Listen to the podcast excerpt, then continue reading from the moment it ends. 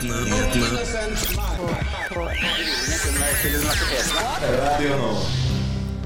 møtte SIO helse for en prat om studenters psykiske helse i forbindelse med verdensdagen for psykisk helse. Vi snakka med Sex og Samfunn om voldtekt og om forslaget til en samtykkelov. Vårt debattprogram Emneknaggen snakket med African Student Association og UiO om Black History Month. Vi møtte Christian i denne ukas Ulike måter å være student på. Vi gir deg våre beste tips til hvordan du kan jobbe bra og effektivt med studiene hjemmefra. Og til slutt får du helgas værmelding. Hei og velkommen til Studentnyhetene her på Radio Nova. Jeg heter Torunn, og med meg i studio har jeg Ine Marie. Hei, hei. Vi har mange spennende saker til deg i dag, men først skal du få ukas nyhetsoppdatering.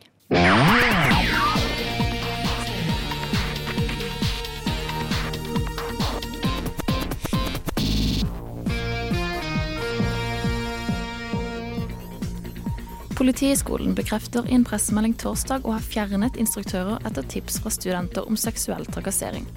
Det har bl.a. kommet frem at enkelte instruktører på politiutdanninga skal ha hatt seksuell omgang med kvinnelige studenter.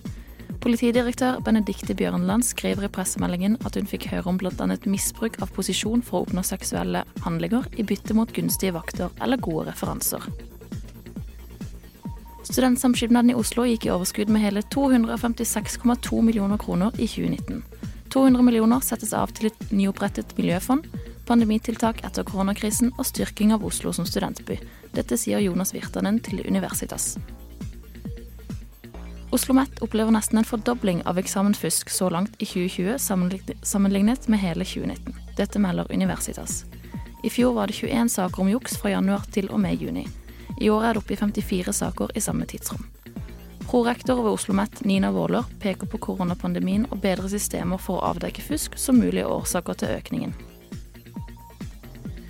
Universitas melder torsdag at flere er bekymret for fysisk oppmøte på eksamen ved UiO.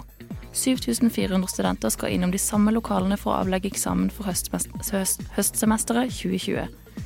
Fungerende avdelingsdirektør for HMS ved UiO, Johan Løberg Tofte, sier til Universitas at det er lagt godt til rette for smittevern, men at det aldri kan være 100% sikkert. Det var ukas nyhetsoppdatering, og mitt navn er Ina Marie Sigurdsen.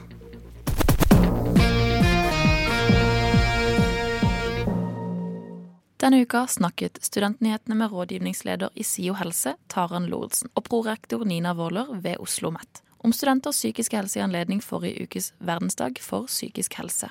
Det handler mye om nedstemthet, stress, og mange er redde for eksamen. Vi vet at nå som det blir mørkere og kaldere, og vi alle er mer alene, går studentene noe tøffere høst og vinter i møte. I kjølvannet av verdensdagen for psykisk helse har vi kastet et blikk på instansene rundt studenten for å se hvordan studenten kan ivareta sin psykiske helse.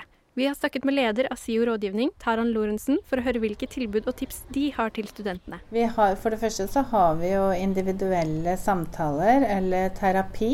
I tillegg til det så har vi veldig masse kurs som er rettet mot spesiell problematikk, sånn som f.eks. mestring og forebygging av depresjon. Vi har et kurs som heter Tankevirus. Og så har vi forskjellige aktivitetskurs samarbeidet med Atletica for fysisk aktivitet. Og alle kursene er gratis.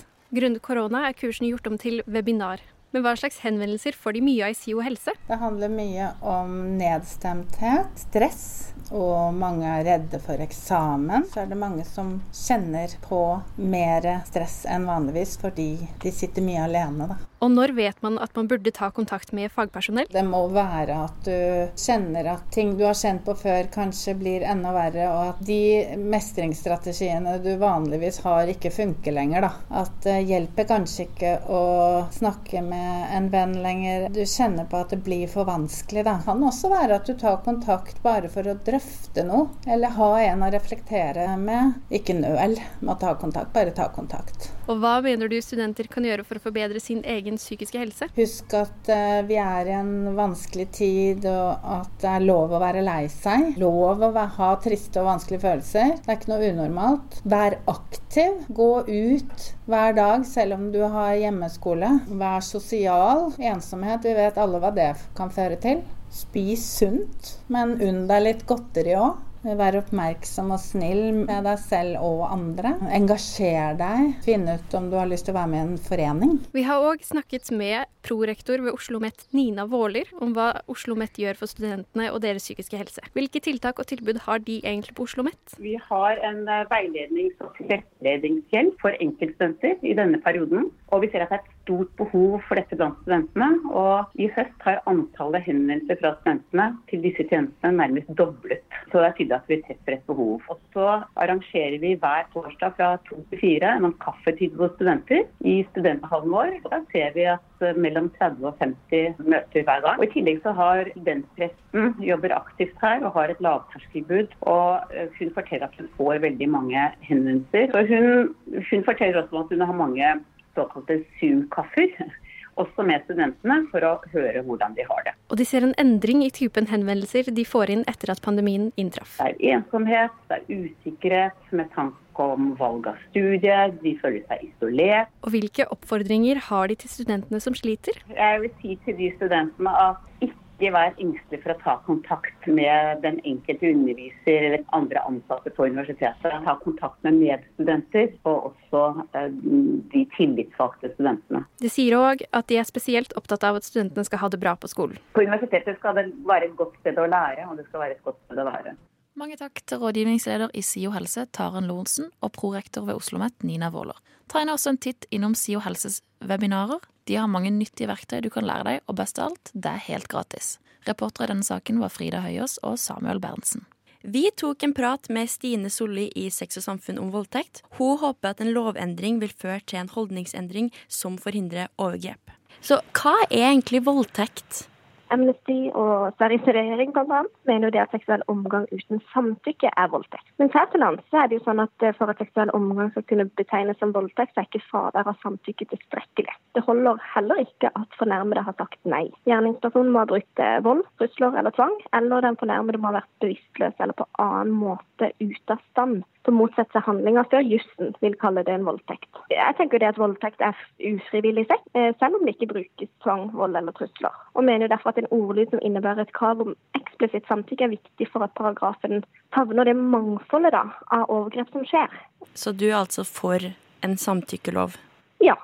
Men det eh, er litt sånn ser fra land som allerede har innført en samtykkebasert voldtektsbestemmelse, er at de de argumentene som ofte blir, blir, brukt mot en sånn type lovgivning, da, er det ikke så veldig mye hold i. Som f.eks. at det fører til økt fokus på offerets oppførsel. Eh, her ser vi at en kanskje kan heller være litt sånn tvert imot. At en lovendring vil kunne rette, altså, føre til et økt fokus på om samtykke ble innhenta, fremfor et fokus på hvordan fornærmede har gitt motstand, eksempelvis. Eller et argument som også eh, omhandler dette, at det kan føre til at uskyldige blir dømt. Eh, og Det tenker jeg er svært lite trolig. Det vil fremdeles være samme krav til bevisførsel, f.eks.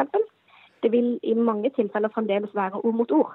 Eh, og mange saker vil trolig bli henlagt fordi det ikke finnes tilstrekkelig med beviser. Eh, men det vil forhåpentligvis bli en holdningsendring. Og det er jo vår motivasjon for en eventuell lovendring. Nettopp å endre holdninger og forebygge at voldtekt og overgrep skjer eh, i utgangspunktet.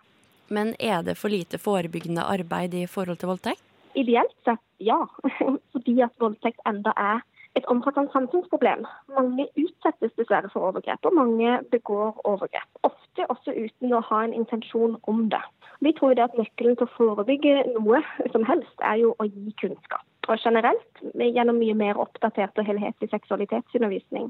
Eh, hvor en ikke bare snakker om det som er negativt, men også om det som er positivt. Om selvbestemmelse og om lyst. Eh, for, eksempel. for da vil det kanskje være lettere det å skille og plassere dårlige erfaringer og krenkelser du nevnte litt mangel på kunnskap. Betyr det at det er mange som begår overgrep, og som sjøl blir utsatt for et overgrep, ikke er klar over det? Ja, vi ser det. Det skyldes nok altså kort oppsummert at vi har for lite kunnskap generelt. Både om hva overgrep er, og hvordan det foregår. Og om at det er kjærester og nære venner og kanskje en du har hatt sex med før, som begår overgrep. Og nettopp det fører til at veldig mange, mange ikke identifiserer seg med det bildet. Så mange da innser ikke at de har begått et overgrep, fordi at de er jo ikke en sånn type person eller mente noe vondt. Det en ser er jo at Tall er ikke helt sånn samstemte. Hvis man spør så og så mange om en har opplevd seksuelle krenkelser eller seksuelle overgrep, så svarer så og så mange ja. Men stiller man spørsmålet om du har begått, har du noen gang eh, krenka noen, eller har du begått et seksuelt overgrep mot andre, så er det ganske så eh, mye lavere tall på det spørsmålet, da. Så det viser jo at det er, det er en ubalanse i, i, hva en innser eller identifiserer seg med at en gjør, da, enn hva folk, folk opplever. Der hørte Stine Solli fra Sex og Samfunn snakke om voldtekt og forslaget om en samtykkelov. Reporter i saken var Torunn Dønheim. Black History Month markeres i Norge i oktober. For å finne ut litt mer om markeringen kontaktet vi Af African Student Association, UiO, ved leder Mohammed Avil. Innslaget er en del av Studentnyhetenes debatt- og aktualitetsprogram Emneknaggen som du kan høre her på Radio Nova onsdager klokken 18, eller der du hører på podkast. Uh, først og fremst, så hvem er dere? Altså hvem er African Student Association? Så um, African Student Association på Universitetet i Oslo ble etablert i 2016 fordi vi så at det var en mangel på representasjon og et sted der vi som uh, studenter av afrikansk herkomst kunne samle oss og diskutere Afrika både som et kontinent, men også Eh, den afrikanske diasporaen. Eh, så vi er, vi er en studentforening på lik linje med alle andre studentforeninger. Vi har forskjellige arrangementer. Eh, vi har akademiske arrangementer, og så har vi også sosiale arrangementer. Men på siden så arrangerer vi også bl.a. demonstrasjoner, sosiale aksjoner, og prøver å få til forandringer i hvordan det er på universitetet, med tanke på med tanke på ting som rasisme, eh, få til en handlingsplan mot det. Så vi, vi, jobber med veldig mye forskjellig. Ja, for eh, Dere har jo bl.a. stått bak eh, markeringen av eh, George Floyd på Eidsvolls plass foran Stortinget. og Det var jo til sammen over 50 000 som trykket på 'skal' og, eh, eller 'interessert' på det arrangementet på Facebook. Hvordan var det egentlig å stå bak et så stort arrangement? Jeg syns personlig at det er veldig veldig flott at det dukket opp så mange. Um, vi hadde aldri fått sett for, sett for, oss at det skulle komme såpass mange. Um, så det er veldig fint å se at uh, arrangementet er der. Um, det var en veldig, veldig Vi gjorde jo alt selvfølgelig på en uke. Så var uh, ganske stress å måtte arrangere alt sammen. og uh, Spesielt da med, tanke på at vi fortsatt var, og fortsatt er, midt i en pandemi. Men vi er veldig stolte over å ha samlet såpass mange til Eh, en av de største demonstrasjonene Pride. Hva er deres hovedmål som forening eller organisasjon? Ja, vårt hovedmål, det, eh, Vårt fokus er jo egentlig, som jeg sa, Afrika som et kontinent, både akademisk og sosialt. Eh, men det vi, eh, det vi fokuserer på, det er å få til eh, en møteplass der man bl.a. Eh, kan gi rom for afrikanske stemmer Eh, bedre representasjon og forskjellige arrangementer som tar opp problemer innad i diasporaen her i Norge, men også ting som utvikling i Afrika, ting som uh, colorism, rasisme uh, i møte med uh, forskjellige institusjoner. Så jeg har lyst til å takke Radio Nova for denne muligheten. Og så har jeg også lyst til å gi en liten oppfordring til alle der hjemme som hører på. jeg håper at alle sammen Eh, ser på kampen mot rasisme ikke som en sak for organisasjoner som overordnede organisasjoner, men en sak som, man, som enhver person kan ta hver eneste dag.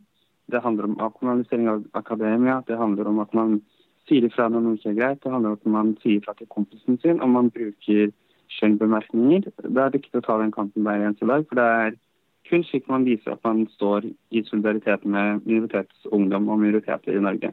Der hørte du leder for African Student Association UiO, Mohammed Avil, som snakket om foreningen ASA og markeringen av Black History Month. Hvis du vil høre resten av intervjuet med foreningen ASA, kan du høre det i ukens sending av Emneknaggen, som nå ligger ute i din podkast-app. Reporter i saken var Stig Gøran Skogvang.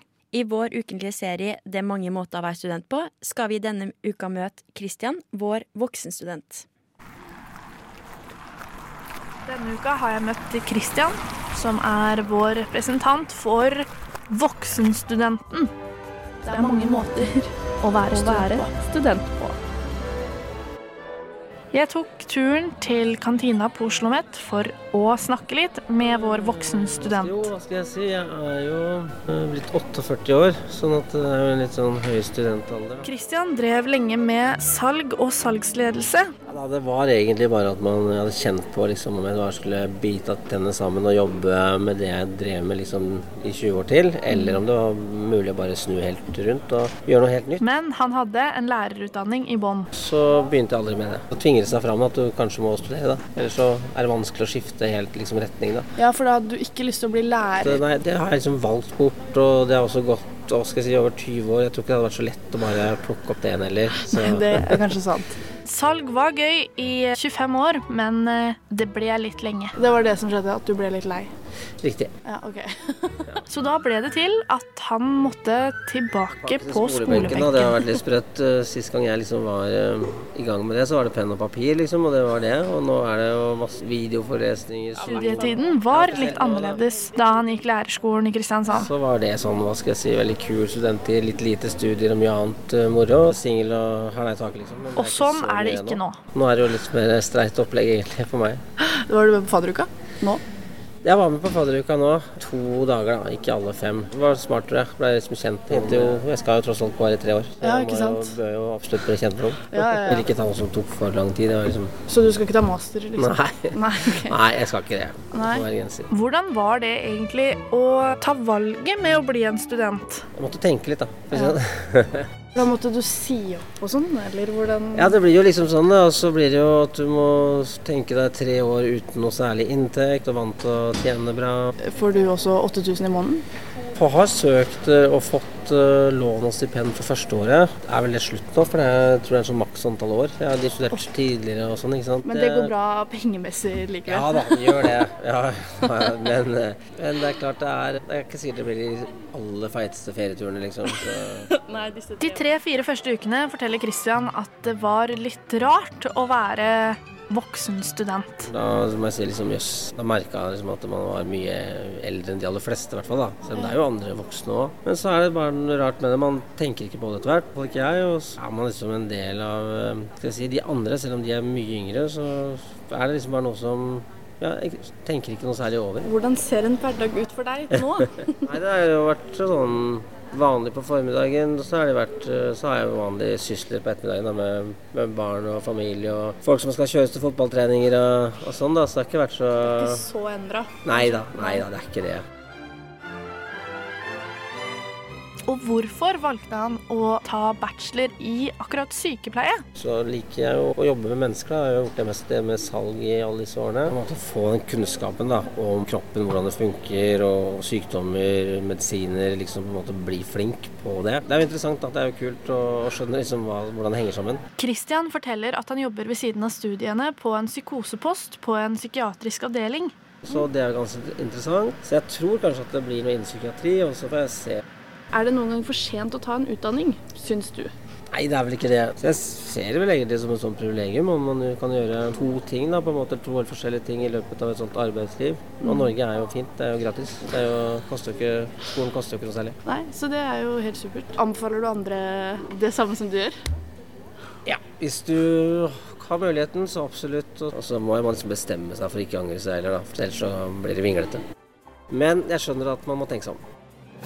Der eh, har du det, altså. Du må tenke deg om. Men Christian anbefaler å lære noe nytt. Kristian syns altså ikke det er for sent å ta en utdanning. Kanskje det inspirerer alle dere voksne som hører på nå.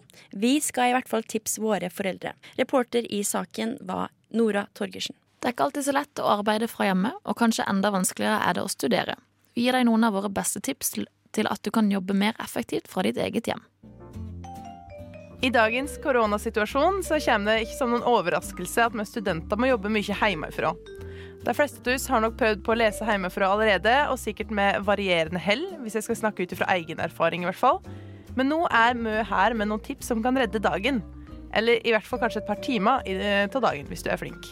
Dette er muligens gammelt nytt for mange, men ta pauser. Du kan unne deg sjøl en eh, god vask med håndsprit, som er jo det man alle vil her nå om dagen, eller du kan bruke tid på å telle alle frimerkene dine. Lag en plan over hva du ønsker å komme deg gjennom i løpet av dagen, og skriv pausene inn i planen. Så kjedelig som det høres ut, så kan det kanskje funke òg. Ja, det, det ryktes at det funker å ta pauser. Det ryktes. Eh, jeg er jo veldig god til å ta pauser sjøl. Det blir kanskje litt lengre enn jeg hadde tenkt. Men eh, Ja. det, det er deilig med pauser. Det er deilig. Jeg er jo i utgangspunktet en klassisk deadline-student. Som mange andre jobba jeg mest effektivt under press, men det er ikke nødvendigvis alltid så ålreit å sitte der fem minutter før innleveringsfristen og hamre løs på tastaturet. Så derfor så kan jeg anbefale å lage egne deadlines, gjerne med en kloppegruppe eller noe sånt. Og da kan de kan avtale på forhånd hva som skal ha blitt gjort til en viss frist, f.eks. i løpet av veka. Og da kan de kan gå gjennom det her i gruppa, noe som kanskje skaper nok press for deg sjøl til å få det her gjort. Ja, er du flink på å skaffe, skaffe deg egne kollokviegrupper? Eh, nei. eh, det er jo litt Hvordan vanskelig. Hvordan finner man det nå? Det eh, er jo et spørsmål. Kanskje bare plukke noen fra Zoom. Jeg vet ikke. Det er ikke det enkleste å lage kollokviegrupper eh, nå for tiden. Men eh, spør kanskje i Har de ikke en klassechat eller gruppe på Facebook? Spør Hei, er noen her gira på å ha en kollokviegruppe sammen? Så er det sikkert noen som er gira, og da er du i gang. Da er du i gang. Tips to er hvis du har denne planen din over hva du skal gjøre i løpet av en dag, men ikke kommer deg gjennom det du har planlagt, så må du ikke la det demotivere deg. Her går jeg sjøl veldig ofte i fella og gir opp hvis ting ikke går etter planen. Men man må ikke gjøre sånn som meg. Lag en ny plan neste dag, og drit i hva du egentlig skulle kommet deg gjennom. Hvis du i så fall har gjort bare bitte litt, så er det i hvert fall noe, det òg. Oh, det der er så sant at det er demotiverende og har tenkt det her skal jeg gjennom i dag. Og så går det ikke, så har han gjort ett av fem punkter. Fy søren, det gjør vondt. Men, Det er faktisk ganske vondt. men ja, enig. Du må bare komme deg videre. Ja, kom deg videre i livet. In your, with your life. Get over it. Get over it. Ja, jeg har òg et eh, tips. Et Zoom-tips. Eh, fordi det, alle omtrent sitter på Zoom om dagen. Det her går kanskje mer på å spice opp det sosiale livet enn å forbedre studieteknikken. Eh, så om alle sitter i Zoom, eh, så gjør det jo det en del vanskeligere å få prata med klassekameratene sine. Så for å gjøre det hele litt hyggeligere, så bli igjen i Zoom etter at forelesningen er over. Her kan du småprate med studenter både om forelesning og om helt andre ting. Noe som i alle fall jeg har eh, syntes har vært litt hyggelig de gangene foreleser ikke har lukka hele Zoom-rommet. Eh, og så skader det jo ikke med en artig Zoom-bakgrunn heller, når man først tilbringer så mye tid i Zoom. Wow. Wow. Det tør ikke jeg. Mitt siste tips er å gjøre det koselig rundt deg. Du må, kan gjerne tenne et lys eller ha på noe rolig musikk med en kopp kaffe eller lignende hvis du trenger det. Eh, og ikke jobb i senga. Da sovner du bare. Her snakker jeg fra egen erfaring. Og prøv å skille mellom hvor du slapper av og hvor du jobber. Den er fin, Ja. Og det der og... det er klisjé med det der å ta og tenne lys og sånn. Men eh, det kan jo funke, da. Ja, i hvert fall når det begynner å bli litt mørkt ute. Det blir litt koselig. Ja, det var altså våre tips om hvordan du kan studere bedre hjemmefra. En hverdag med Zoom og mindre sosial omgang kan være tøff og demotiverende for mange. Men det er òg så mange ting du kan gjøre for at den digitale studiehverdagen blir litt bedre og mer effektiv. Good luck! Lykke til. Det er bare å jobbe på. Stå på. Det Stå her på. Kommer oss gjennom. Vi heier på deg. Yes. Vi håper at noen av disse studietipsene var til hjelp, og så er det bare å se frem mot tider når alt dette blir litt lettere. Reporterne i saken var Mari Ranheim og Line Rørvik. Vi nærmer oss slutten på Studentnyhetene for i dag, og det betyr at det straks er helg. Skal du noe gøy i helga, Ina? Ja, jeg skal faktisk på fjellet med noen venner på hyttetur. Kanskje gå litt eh, fjellturer og drikke god vin og kose meg med noe god mat. Og du da, Torunn? Jeg skal på en liten fest sjøl, eh, og så skal jeg bare ta det rolig med Nytt på nytt i kveld. Hvor skal du på fjelltur hen, da? Setesdalen, vil jeg kanskje si. Hovden. Hovden, ja. Ok, Mm. ja. Ikke hørt om det. Går ikke sånn å si fjellet, men eh, det blir sikkert fint. Det blir bra. Tusen takk for at du hørte på Studentnyhetene i dag. Hør oss gjerne igjen som podkast, og følg oss på sosiale medier. Der heter vi Studentnyhetene. Fortsett å høre på Radio Nova, for snart blir det radiotjenesten. Mitt navn er Torunn Dønheim, og med meg i studio i dag så har jeg hatt Ina Marie Sigurdsen. Tekniker i dag har vært Ragnhild Bjørlykke. Ha det bra og god helg. Du har hørt en podkast fra Radio Nova. Likte du det du hørte? Du finner flere podkaster i iTunes og på våre hjemmesider radionova.no.